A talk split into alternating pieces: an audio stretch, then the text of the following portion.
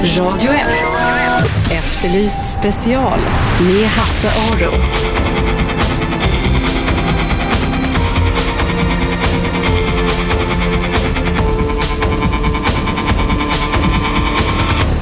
Välkomna hit till Efterlyst special. Idag en snöig onsdag i Stockholm. Det lär vara kaos ute på stan men här i värmen så har vi det lugnt och skönt. Eh, Som väl är så har mina gäster tagit sig hit. För den ena av dem, Gert Fylking, var det inte så långt. Han satt redan ute på redaktionen så vi bara plocka in honom. Ja. Men i, i morse kanske det var värre. Ja, du, jag märkte när jag gick eh, till jobbet i morse att det var inte eh, promenadväder för lågskor i alla fall. Eh, Hade du lågskor på dig? Nej, så tack och lov inte. Jag Jag tittade tänkte, ut. du är ju en kille som kan klä dig Ja. efter väder. Ja, men jag, jag, jag tycker inte att det finns något dåligt väder. Det finns bara dåliga kläder som det heter. Ja, själv tog jag bilen, det gick bra. Jaha. Ja. Eh, med oss finns också Magnus Altin här idag. Välkommen hit. Tack. Eh, Du har också lyckats ta dig, ta dig hit. Och Magnus Altin är advokat. Eh, jobbar med, eh, mest med brottsmål och det är väl det de flesta av oss tänker på när vi tänker på ordet advokat. Att man är brottmålsadvokat, försvarsadvokat. Och anledningen till att han sitter här idag är att vi ska diskutera advokater. Ehm, advokater är ju ett skrå på vilket det has en hel del synpunkter. Ehm, från att ehm, de ljuger, att de eh, försvarar människor som inte ska försvaras och hur kan man se sig själv i ögonen och så vidare. och så vidare. Allt det här började med att eh, Gert uttalade sig i sitt radioprogram om advokater eh, varpå Magnus reagerade. Och Gert, vad var det du sa egentligen? Nej, jag kommer inte ihåg vad jag sa riktigt ordagrant, men, men eh, jag, jag uttryckte mig väl som jag brukar. Eh, ovård... Nyanserat och, och. Onyanserat och eh, eh, lite summariskt och, och tyckte väl att eh, eh, försvarsadvokater då i ett stort eh, svep sådär är egentligen några riktiga skithögar som, som inte eh, gör som vi vill att de ska göra, det vill säga se till att tjuvar och banditer, mördare och missgärningsmän och folk som misshandlar och slår och är återfallsförbrytare hamnar där de ska, nämligen bakom lås och bom, utan man ser hela tiden till att hitta eh, problem, att hitta luckor, att hitta eh, för och för, för domstolen försvårande eh, möjligheter att döma, att man, man, man liksom att, det verkar som att försvars eller brottsmålsadvokatens uppgift är inte att se till att rätt, rättvisa skipas i, i den populistiska meningen utan mera att få sin eh, klient frikänd. Att det är liksom huvud, eh, huvudsaken med att vara brottsmålsadvokat. Det här är en ganska vanlig um, åsikt om advokater, att de, eh, de gör allt för att få mördare och banditer fria. Magnus, eh, du hörde på det här. Ja, jag gjorde det och reagerade. Du reagerade, ja. Eh, Men det var inte första gången du möttes av de här eh, påståendena. Nej, det är en ganska vanlig uppfattning hos allmänheten tror jag. Men hur ska vi råda, hur ska vi råda bot Ja, men det? vänta, vänta, Ja, förlåt. Vä- vänta Ja. här. Nu är du faktiskt gäst. Eh, Men vad tror du att de här fördoma, fördomarna, eller åsikterna kan man säga, be, eh, kommer sig av? För det ligger ju en liten sanning i dem. Det, det jobbet är ju, om man ska förenkla det, att, att få den man försvarar frikänd från det som den är anklagad för. Ja, för det första kan jag ju säga till hjärtat, man får ju absolut inte ljuga som försvarsadvokat. Det står även skrivet i våra etiska regler. Eh, sen är det ju inte vår uppgift att se till att, rätt, eh, att rättvisa skipas heller. Nej. Och eh, det är inte vi som ska agera domstol eller vi ska inte agera eh, åklagare utan vi ska se till vår klients bästa. Och är det så att vi eh, blir förordnade Eh, till en eh, misstänkt och vara hans offentliga försvarare så ska vi tillvarata hans intressen. Säger han att han eh, är oskyldig till brott eller förnekar en gärning då kan inte vi sitta och hitta på annat eller göra egna utredningar om att han skulle vara skyldig. Mm. Alltså om man då ska kort lite grann förklara rättssystemet. Om Gert Fylking blir anklagad för att ha mördat Hasse Aro så är det ju då staten som på något sätt anklagar honom. Du har mördat Hasse Aro. Och då är ju grundprincipen, då får ju staten bevisa det. Ja, precis. Det är huvudprincipen att staten genom åklagaren ska bevisa att, att eh, Gert Fylking har mördat Hasse Aro. Mm. Och förenklat är det ju så att om, om, om, sta, om åklagaren då inte lyckas bevisa det, då går Gert fri. Ja, då... då- spelar det ingen roll om man har gjort det eller inte, det är åklagarens sak att, att eh, bevisa det. Precis, och det är ju så att Gert kan ju mycket väl ha mördat dig, Hasse. Men har inte åklagaren lyckats bevisa det här, eh, då kommer domstolen att ogilla det här åtalet. Och det är väl där någonstans som, som, som, som åsikterna uppkommer, därför att folk i allmänhet vill ju att rättvisa ska skipas, som Gert säger.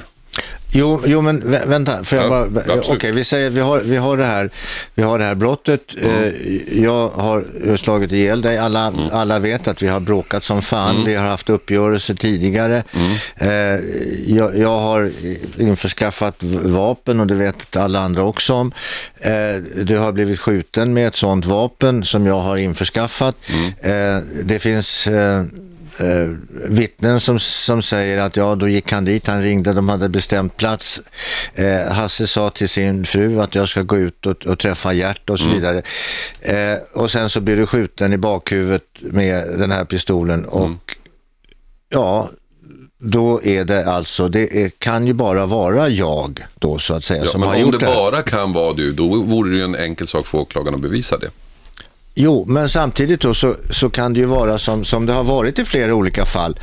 Ja, helt plötsligt så kan ju eh, försvararen säga eh, att eh, nej, det, det var ju flera människor ute på stan och Hasse Aro som är en kontroversiell figur i efterlyst-sammanhang och, och har varit med och satt fast, jag vet inte hur många bovar och banditer. Det finns en hotbild mot honom och vi vet minsann och så vidare och så vidare och så vidare. Mm. Jaha, då är det helt plötsligt inte bara jag, utan då är, det, då är det x antal andra mm, tänkbara ju. Men om det inte är du, allt pekar på dig men inte är du, är du inte väldigt glad att du har en advokat då som, som ser allt detta? Jag tror att jag blir väldigt glad eh, över ett, att du är borta. två, två eh, att rättvisa mellan oss har skipats och att jag slipper ta straffet för det. Ja, det tror jag. Ja, mordet på Hasse Aro. Vi kan prata vidare om det. Eh, jag tror inte du skulle kunna, kunna klara det Gert och sen gå fri faktiskt.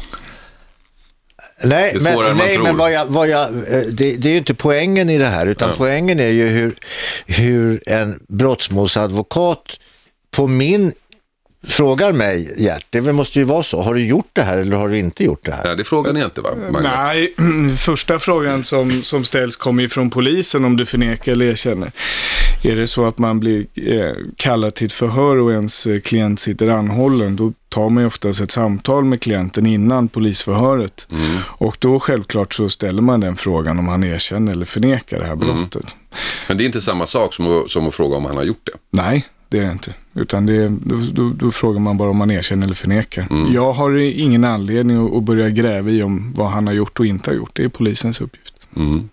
Jo, men, men samtidigt så, måste du, du, då hör du ju på det här förhöret och det här samtalet med den här klienten, eller eftersom det är du och jag och Hasse nu det här gäller, eh, så måste du ju någonstans fråga mig, eh, hur ställer du dig till den här eh, eh, anklagelsen?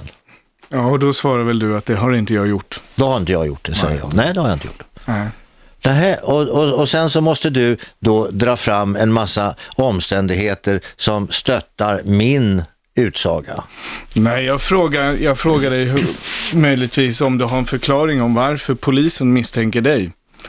Och då får du väl lämna den förklaringen till mig.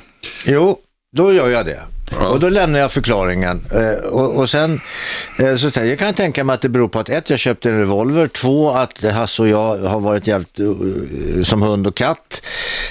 Och att ja, man har hört mig säga att det vore väl fan att den där Hasse, han har ju levt tillräckligt länge och så vidare. Sådana där saker. Men det värsta som kan hända en medborgare, det är ju att staten plötsligt ramlar in och säger, hörru du, det här har du gjort. Du lever ditt liv, eh, du går på som vanligt, så kommer staten säga, det här har du gjort. Nu järnspikar. Eh, det, det är ju i sig ett övergrepp på dina fri och rättigheter. Övergreppet är ju en aning mindre om du har gjort det här, men det, det vet vi ju inte innan det är bevisat att du har gjort det.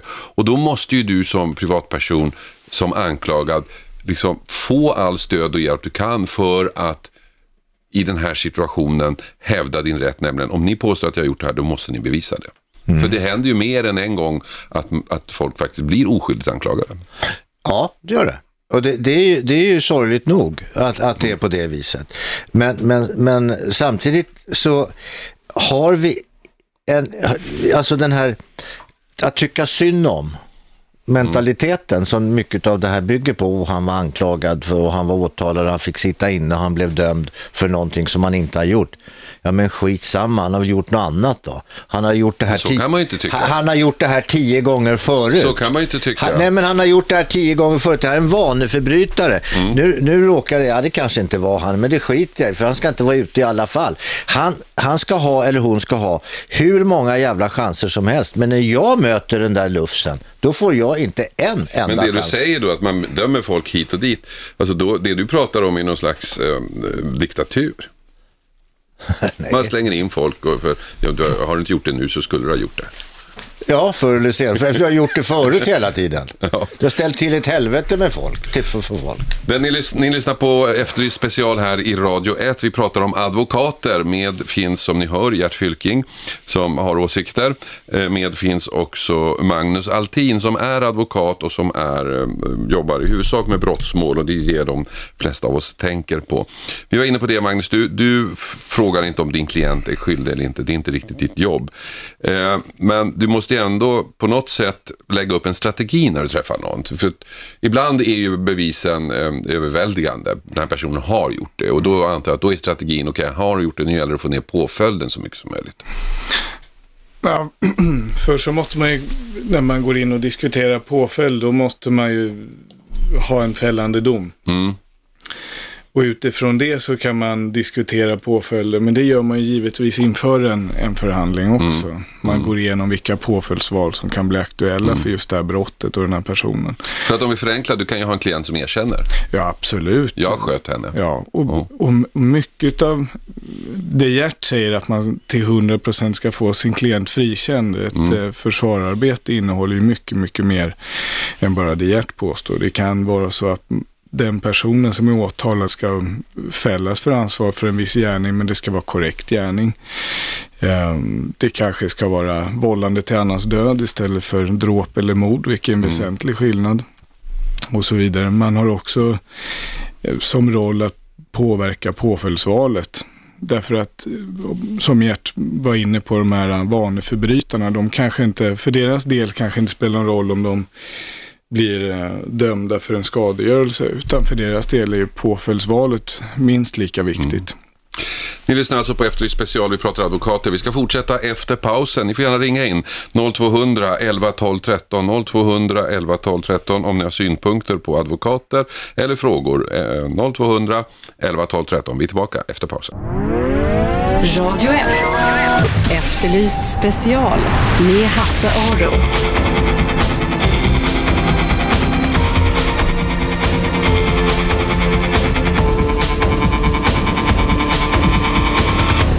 Välkomna hit till Efterlyst special. Hasaro heter jag som sagt. Idag diskuterar vi, diskuterar vi advokater. Detta med anledning av att Gert Fylking i sitt program ehm, um, hävde ut sig vad han tyckte om advokater. Och då var det en advokat som heter Magnus Altin som reagerade på detta. Tyckte att Gert var en aning onyanserad, överraskande nog. Så nu sitter båda här i studion för att diskutera advokater. Ni som lyssnar får gärna vara med. 0200 11 12 13 är telefonnumret. Och Gert, bara sammanfatta, sammanfatta lite kort dina synpunkter igen.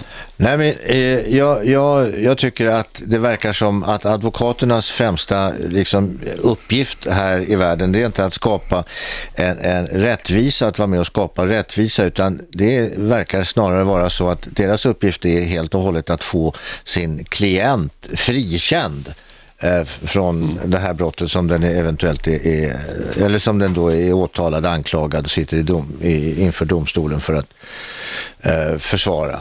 Mm. Ja, men det är väl sant, Magnus? Ja, om det är så att klienten förnekad brott så är det arbetsuppgiften. Mm. Och, och men, men, men, inte som, alltså enligt Gert så bara man har begått ett brott eller är återfallsförbrytare så ska man sättas på något fartyg och skeppas iväg till någon öde och kasta bort nyckeln. Det, den eh, nej, men det, uppfattningen det, delar nej, inte. Nej, och den, det hoppas jag inte att jag har i och för sig kommit att jag sagt heller. Men eh, eh, däremot så, så, så eh, hör, såg jag på tv igår, eh, Veckans brott heter det va? Mm, eh, där man går igenom olika, olika intressanta fall som, som man inte har lyckats lösa eller som man har löst på ett sätt som inte är tillfredsställande eller där det i efterhand har framkommit en massa saker och så vidare. Där var det alltså, det var ett år sedan ungefär, julafton, det var en, en fest på vilken det var fyra personer. Eh, en kille, det uppstår någon form av bråk, en kille eh, ska ut ur lägenheten, han får en kniv i ryggen till lika halsen, eh, vad, vad, det nu var, eh, dör alltså, av sina blödningar helt enkelt, vad jag förstår. Man ringer till eh, SOS, eh, larmnumret och eh, säger, då är det en man som säger jag har, jag har haft ihjäl den här killen och jag har stuckit honom med en kniv och så vidare. I bakgrunden så är det en kvinna som ropar nej, det var jag, det var jag. Ja, just det. Det var då, det här målet i Fittja tror jag. Ja, och då så säger mannen att nej, du ska inte ta på dig det här, det var jag, det var jag, det var jag. Mm. Sen så småningom anländer polisen till platsen. Då tar den tredje personen, ytterligare en kvinna, på sig det här mordet. Alltså det är tre stycken personer som har tagit på sig det här brottet, eller det här dråpet, eller mordet, vad det nu rubriceras som. Alla går fria. Mm. Det där är ju väldigt ovanligt. Det brukar vara tvärtom. Det var inte jag, säger alla. Ja, men man har ändrat taktik. Ja, det tror jag. I det där fallet tror jag inte Vad tror du, Magnus? Jag är, jag är för det första inte insatt i det fallet, men det är ett mm. jättebra exempel som Gert tar upp, för det är väl det som har upprört Gert, vad jag har förstått, och även andra, att eh, tre personer antingen kan skylla på varandra eller, mm. som i det här fallet som är ovanligt, att man tar på sig det själv. Men fortfarande gäller huvudregeln att åklagaren eh, måste bevisa, oavsett om du erkänner eller inte.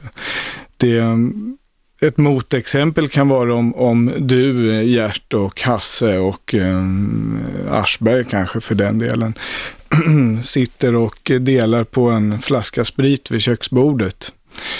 Eh, under den här konversationen så blir det ett bråk mellan Hasse och Robban. Mm. Du står helt utanför det här, eller egentligen kanske är så plakat så att du ligger ner och ja, eh, fullständigt berusad.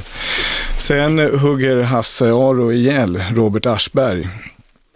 Eh, och man är hemma i ditt kök, Gert, och man, mm, Hasse har använt din kniv. Mm. Det finns dina fingeravtryck på kniven. Mm. Blod finns ju på dig också, för det kommer rätt mycket blod i den här mm. lägenheten. Och då är det frågan, du säger ju självklart att det här har inte jag gjort. Det har Hasse gjort. Mm. Och Hasse som absolut inte vill ta på sig det, han kanske inte ens minns vad som inträffade. Han skyller ju på dig Gert. Mm.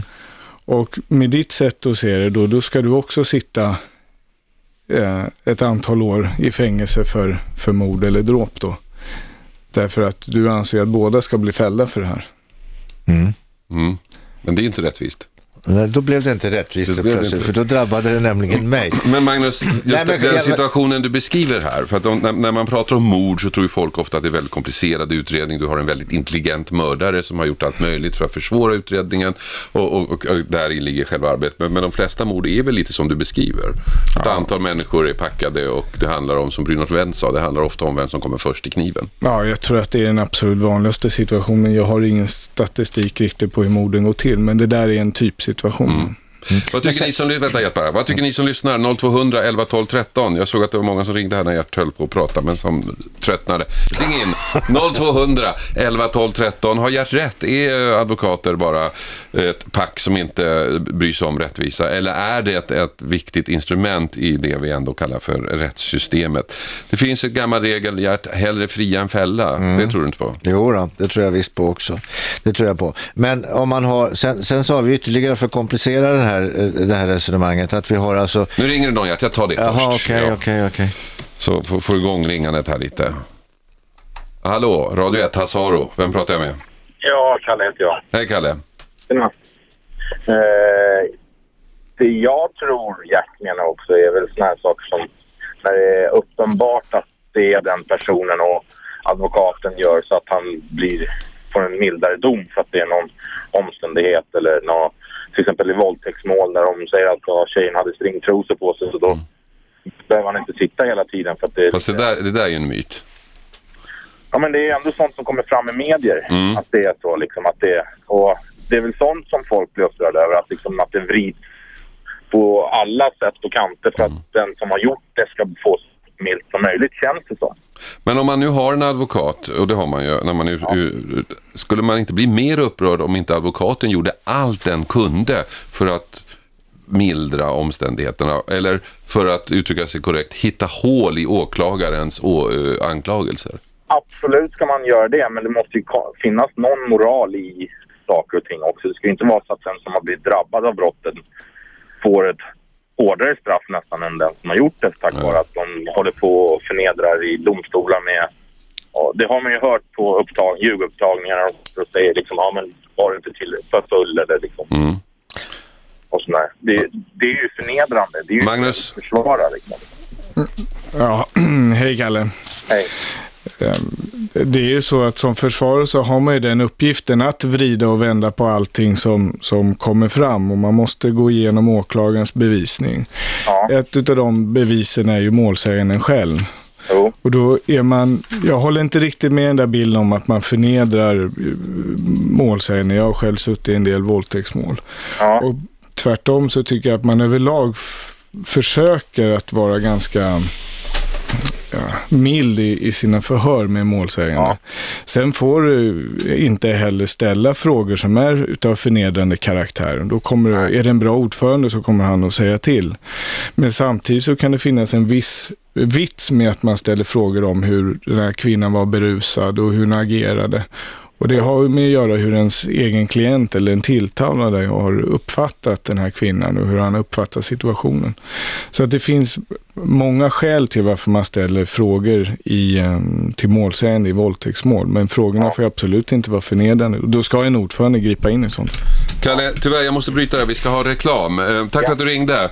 Ja. Eh, 0200 11 12 13. Advokater, gör de ett bra jobb? Eh, ring in och säg vad du tycker. Jag tar samtal under reklampausen. Radio 1. Efterlyst special med Hasse Aro.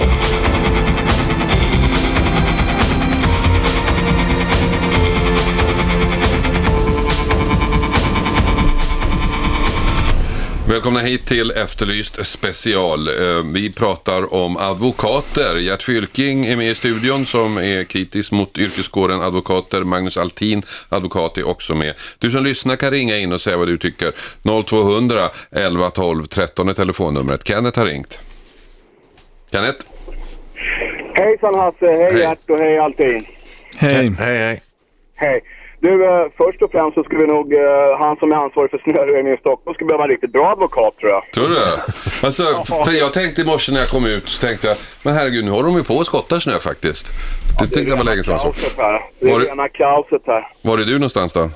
Ja, jag är i Farsta just nu. Okej, Så polisen här och eh, dirigerar om oss också. okej. Herregud.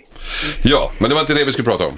Det var inte det ja. Nej, eh, jag har två frågor. Mm. Eh, hur kommer det sig till exempel att eh, de, de mest, ska man säga, värsta massmördare och allt sånt där får väldigt bra och dyra advokater?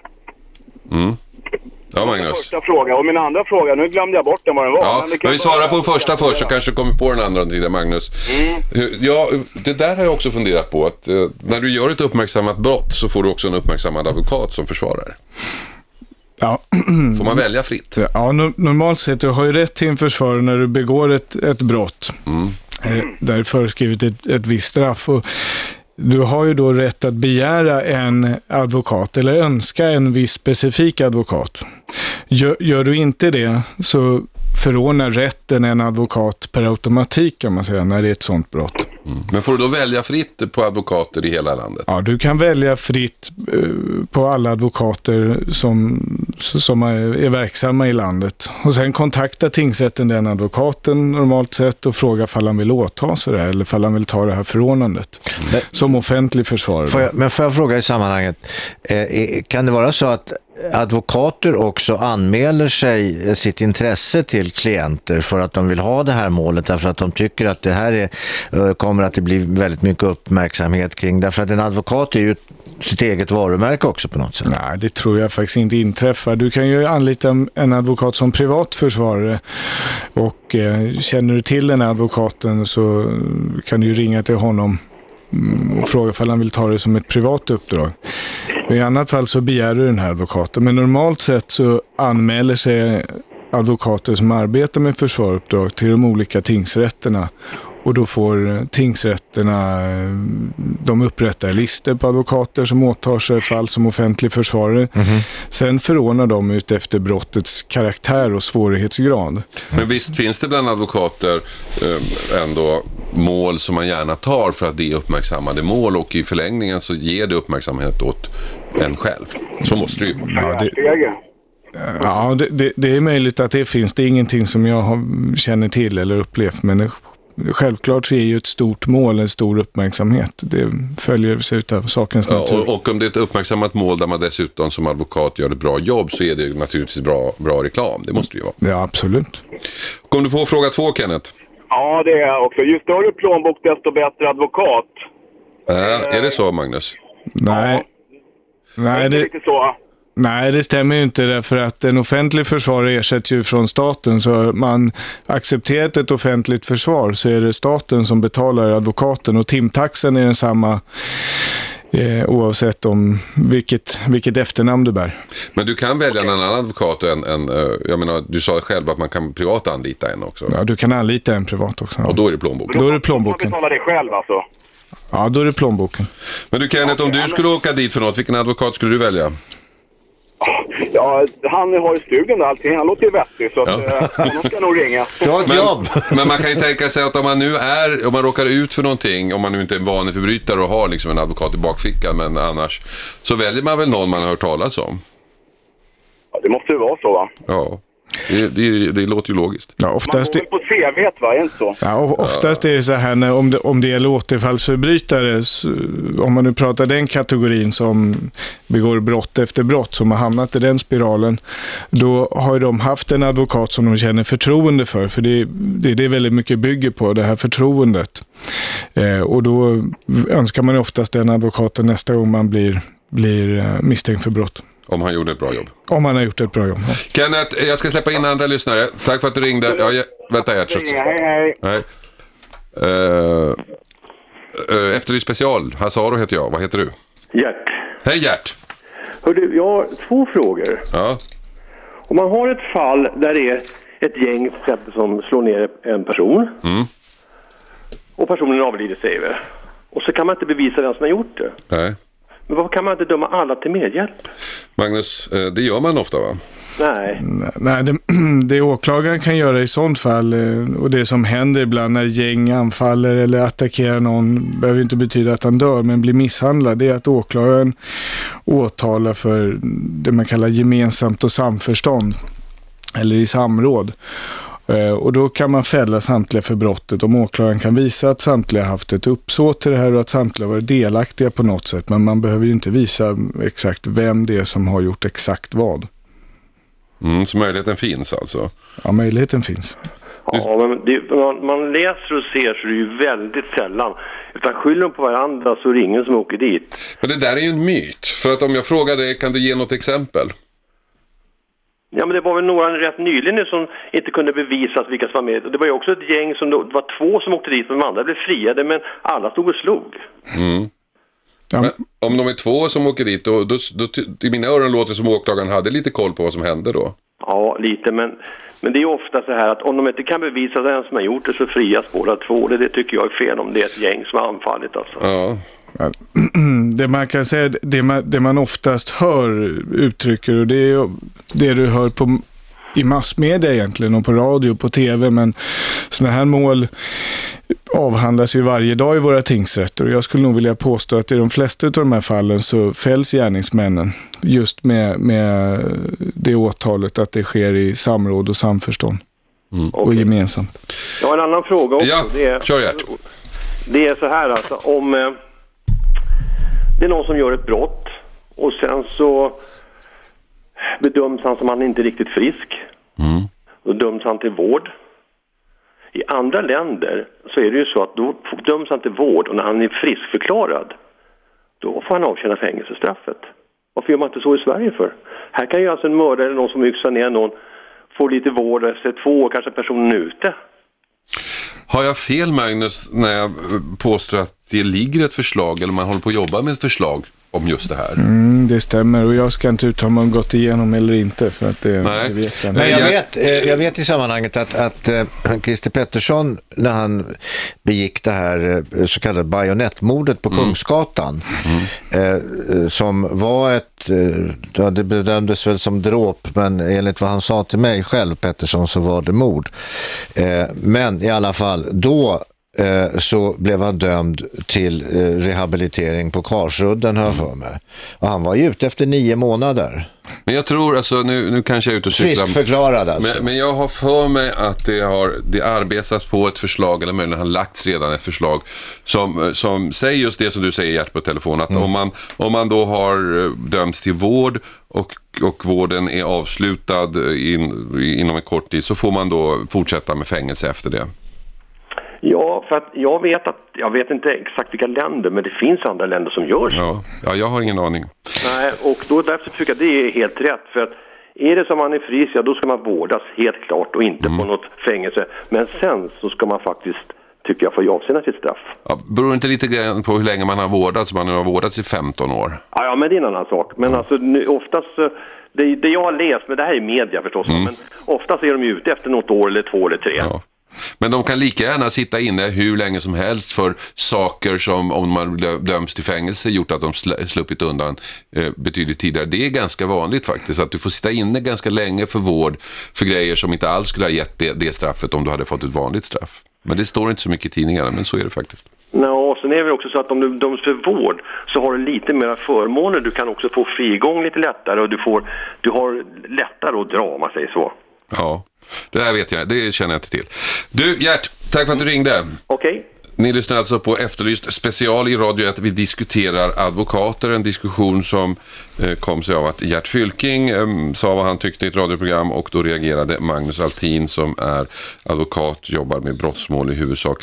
Magnus, alltså, jag antar att när du har en klient och eh, den här klienten förväntar sig ett visst straff och sen så blir det lägre eller inget straff alls, då tycker han att du har gjort ett bra jobb. Men när, när det blir tvärtom, hur, hur, vad tycker då klienten om advokaten?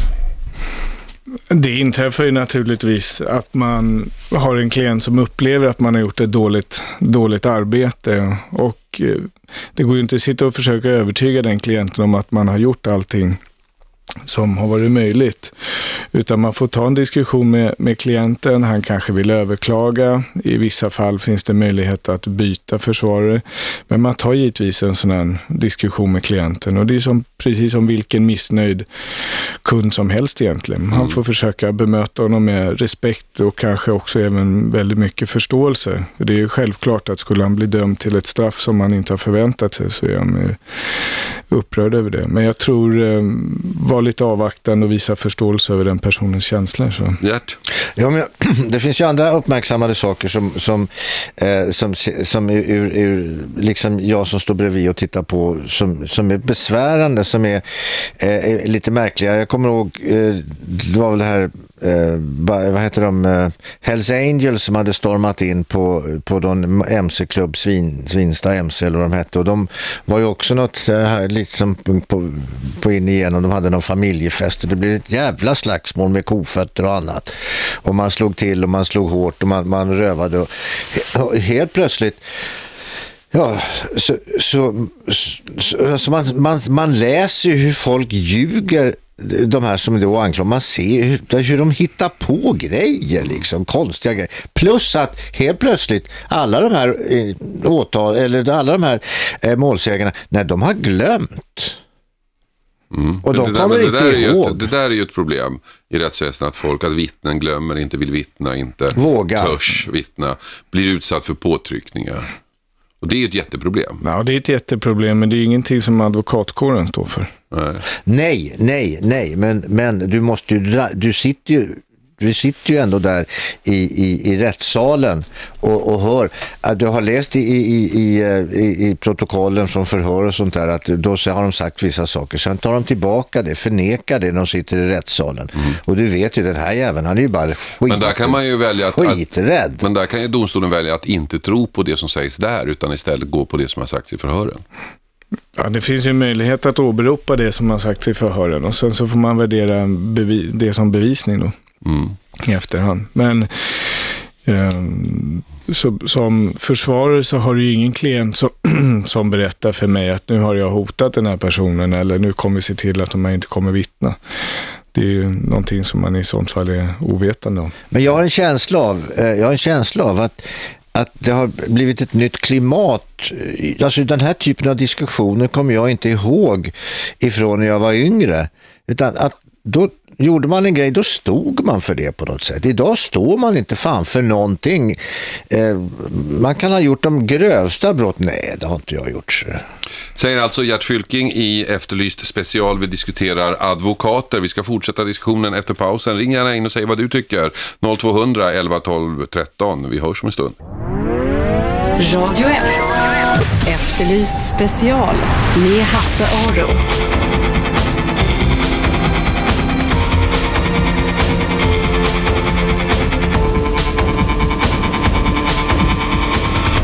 Välkomna tillbaka, Efterlyst special med eh, Hasaro som ni hörde. Gert Fylking här också. Agerar lite åklagare idag kan man säga och Magnus Altin, advokat, advo, äh, agerar då advokat äh, för sin kår. Eh, ni som eh, lyssnar får gärna ringa in och säga vad ni tycker när i diskussionen om advokater. Christer har ringt in. Ja, tjena. Hej. Tjena. tjena. Jag bara tänkte på om- om vi i Sverige börjar gå mot, som jag tror, eller vad jag förstår i Amerika exempelvis, man har försvarsadvokater. Eh, alltså en på varje sida, så att det är en som bara jobbar för målsägaren och en som, som bara för den tilltalade, så att säga. Och där är vi, har ju målsägandebiträden. Ja, men många gånger så, jag menar, många advokater, eh, ena dagen så sitter man och försvarar mördare och andra dagen så sitter man eh, eh, och hjälper en, Ett mordoffer. en familj, så att säga. Ja. Va?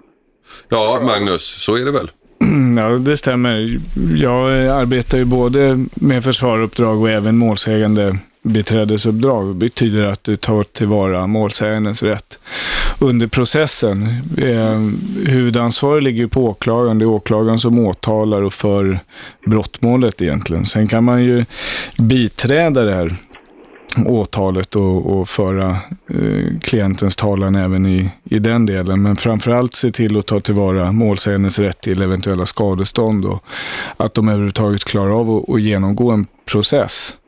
Men sen är det ju inte, man tar ju inte, eller ska jag säga, yrket är ju inte att vara mm, försvarare för mördare eller, eller brottsling, utan yrket består ju i att man ska företräda en klient.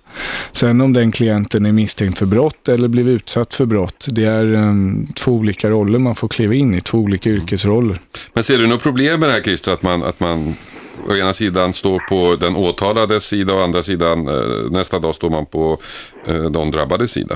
Ja, på något sätt, rent emotionellt, så, så jag menar, ena dagen kan man ju tycka att det är för jävligt alltså. Mm. Eh, om man sitter och hjälper en familj eller ja, motsvarande eh, för deras räkning. Och sen eh, dagen efter så sitter man och försvarar en mördare, så att säga. Mm. Va? Eh, Jag tycker det borde bli en Fin, konflikt. ja, finns det en känslomässig konflikt där, Ja, eh, är Magnus? Ja, men det är ju lätt, det, jag, förstår, jag kan tänka mig att känslomässigt är det ju lättare att engagera sig i någon som är drabbad än någon som mm, med viss sannolikhet har gjort det. Mm, det är ju så, men advokater är ju absolut inga robotar på något sätt, utan vi har ju känslor och känner empati för en person som, som eh, har blivit utsatt för ett brott. Och vi ser ju till att göra, göra ett så bra jobb som vi kan för vår klient. Men man kan vända på det och säga att, att man känner ju också en viss empati för de personer, eller en stor empati för de personer som är åtalade för brott om den personen säger att, att jag har inte gjort det här, jag förnekar det här. För om man blir, och det, det här tycks, tycker jag ofta kommer bort i debatten, om man blir oskyldigt dömd för ett brott, då är man ju också ett offer. Då är man definitivt ett offer och är det så att man är och blir då oskyldigt dömd eller om det är uppenbart i slutändan eh, man kanske till och med lyckas övertyga domstolen och åklagaren om att det här är fel person som är åtalad. Man kan till och med lyfta fram, som har hänt, eh, lyfta fram utredning som visar att det är någon helt annan som som har begått det brottet som ens klient står åtalad för. Då är det en hemsk resa att bli anhållen, häktad, kanske få sitta på restriktioner och bli av med, med kontakter med familj och vänner och så vidare. Det är ju så att en person som man försvarar känner ju, den enda personen som, som man har att förlita sig på och tala med, det är ju sin advokat. Och i, i den, det är en annan social roll utav det hela. Du, Christer, vi ska släppa in fler lyssnare. Tack för att du ringde. Eh, Robin, är du kvar? Ja. Ja, vad tycker du? Uh, ja, men jag har en liten annan fråga. Ja. En liten snabb bara. Jag har en polare som var på fyllan förut och uh, gjorde bort sig lite. Uh, så fick han papper hemma så gå på rättegång. Mm. Och får man Även alltså vad det än är för brott, får man betala för sin försvarare om man eh, fälls för domen?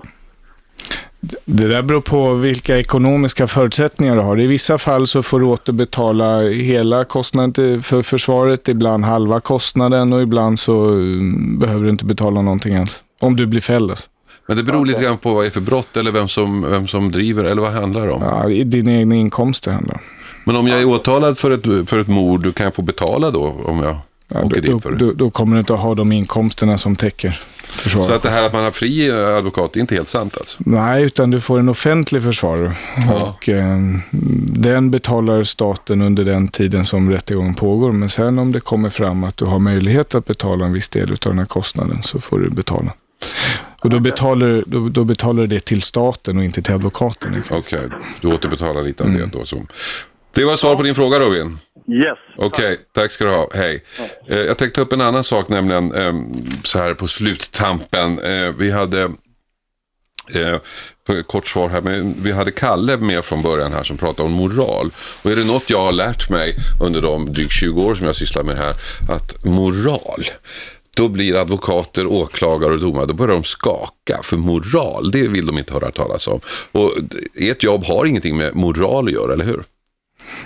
Nej, det har inte med moral att göra, utan vi ska se till att ta tillvara klientens eh, rättigheter. Mm. Eh, men definitivt så får vi inte som, jag tror att det var Kalle var inne på, ställa förnedrande frågor och så vidare. Nej. Eller vara oetiska. Det får vi absolut inte vara. Men det, det säger ofta folk i rättsväsendet att det här har ingenting med moral att göra. Lagar har ingenting med moral att göra. Rättssystemet har ingenting med moral att göra. Men jag hävdar då att det har det. Därför att lagarna är vårt sätt att på något sätt försöka formulera moralen. Mm, det är möjligtvis det allmänna rättsmedvetande ja. som man diskuterar. Det, men när väl lagarna är skrivna, då finns det ingen, då måste man skilja på moral och, och lagtext. Säger Magnus Altin, eh, advokat som har suttit här och diskuterat eh, advokatyrket tillsammans med mig och Gert Fylking som har suttit här och varit någon slags åklagare i sammanhanget. Efter special är slut. Imorgon så kommer vi tillbaka klockan 12 då med en ganska intressant story om en eh, storsvindlare som åklag, åtalar staten därför att han tycker att staten och åklagarna borde ha gripit honom betydligt tidigare och att det är alltså deras fel att eh, han eh, kunde fortsätta begå brott. 101,9 Radio 1 Sveriges nya pratradio